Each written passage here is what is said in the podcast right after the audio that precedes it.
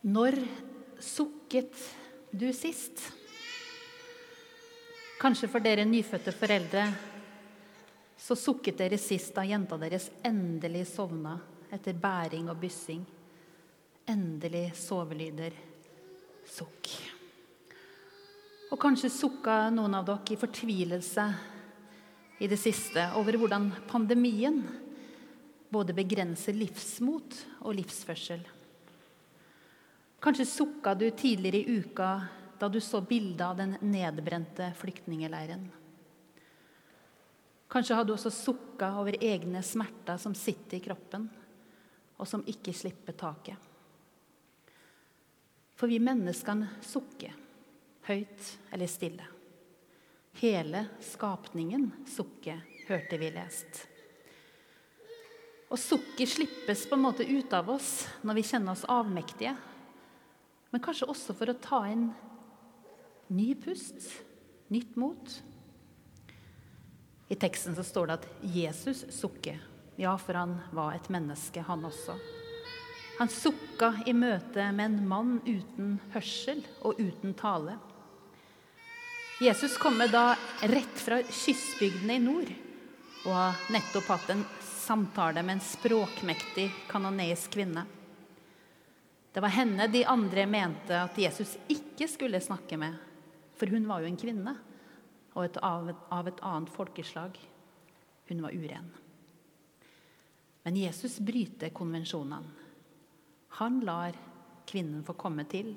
Og vel tilbake til Galilea blir mennesket brakt til ham hele tida. Kanskje ikke så rart at han sukker. Det var de syke, de forkrøplede, de urene som ingen andre ville ta i. Men så er det nettopp det han gjør. Tar på dem, stikker fingrene i ørene, bruker sitt eget spytt, berører den andres tunge. Det høres litt ekkelt ut. Udelikat. Kanskje vi må innrømme det. Og kanskje får oss til å protestere med tanke på vår nye bevissthet om smittevern. Men så tror jeg det er en mening med denne nærkontakten. Jesus bruker hendene som i et tegnspråk for å komme den døve mannen i møte. Jesus bryter konvensjoner for avstand for å komme mennesker i møte. Avstandsatferd er jo forholdsvis nytt her hos oss. Men koda for avstand har vært der for tidenes morgen. Og på Bibelens tid så var det beordring om avstand, som ikke gjaldt alle, men det gjaldt overfor de som var urene, fordi de var syke, eller fordi de tilhørte en annen religion eller en annen folkegruppe fra et annet område. Men Jesus ser ut til å ikke bry seg så mye om det. Han bryter konvensjonene igjen og igjen. Som var han en fremmed. Men alt han gjør, er godt, står det. Og Jeg hører det som et ekko fra skapelsesfortellingen om Gud som ser at alt hun har skapt, er godt.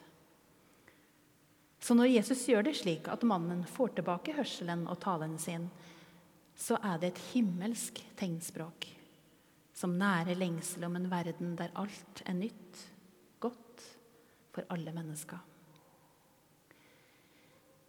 Vi skal ikke bryte regler for avstand.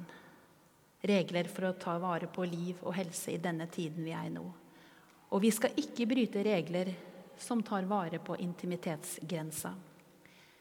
Men jeg tenker at vi, inspirert av Jesu sitt uredde møte med konvensjoner, kanskje kan utfordre vår berøringsangst. For det finnes mange ting vi er redd for å ta i som fellesskap. Fortsatt fins mange som er utenfor, som ikke hører til. De kalles ikke urene, men vi har laga oss avstandskoder likevel. Og noen holdes langt på avstand med mening, slik at vi ikke skal høre deres stemme. Å opprettholde en flyktningeleir på en øy mener jo mange er et bevisst valg for å holde mennesker på behagelig avstand så slipper vi å ta tak i det.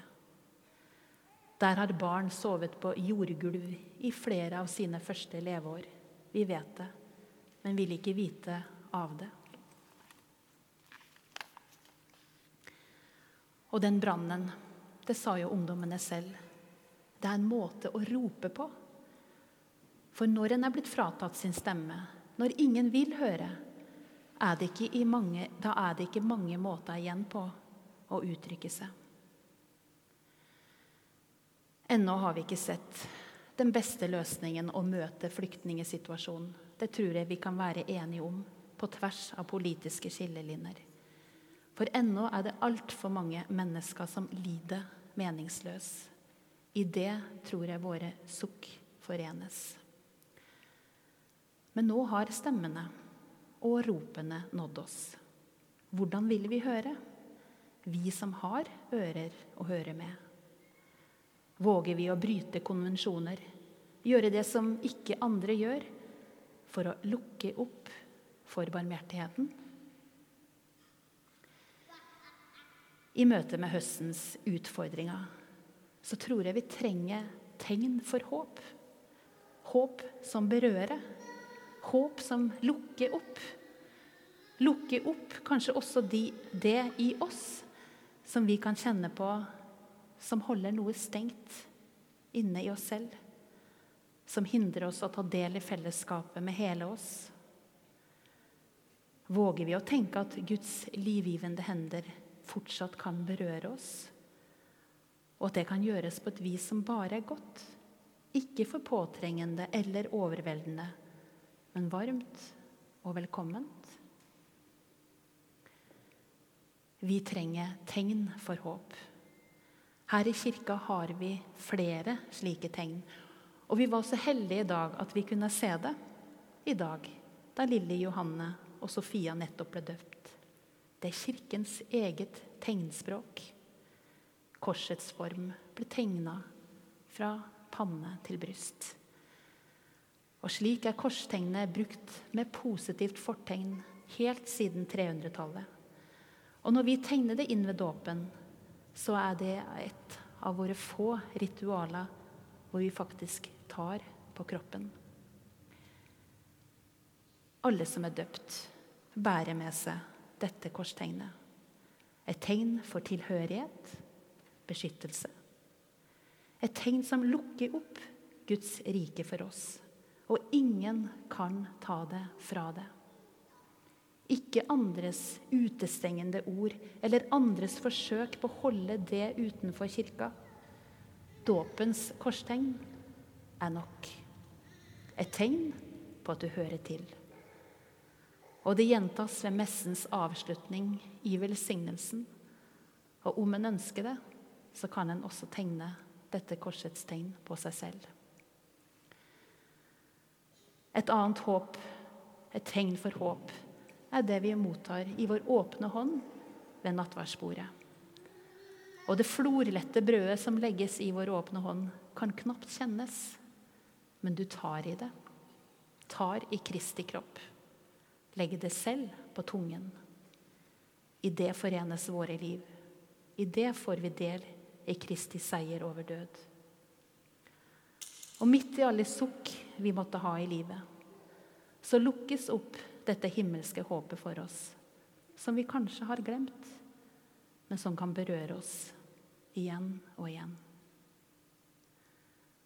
Ære være Faderen og Sønnen og Den hellige ånd, som var og er og blir en sann Gud fra evighet og til evighet. Amen.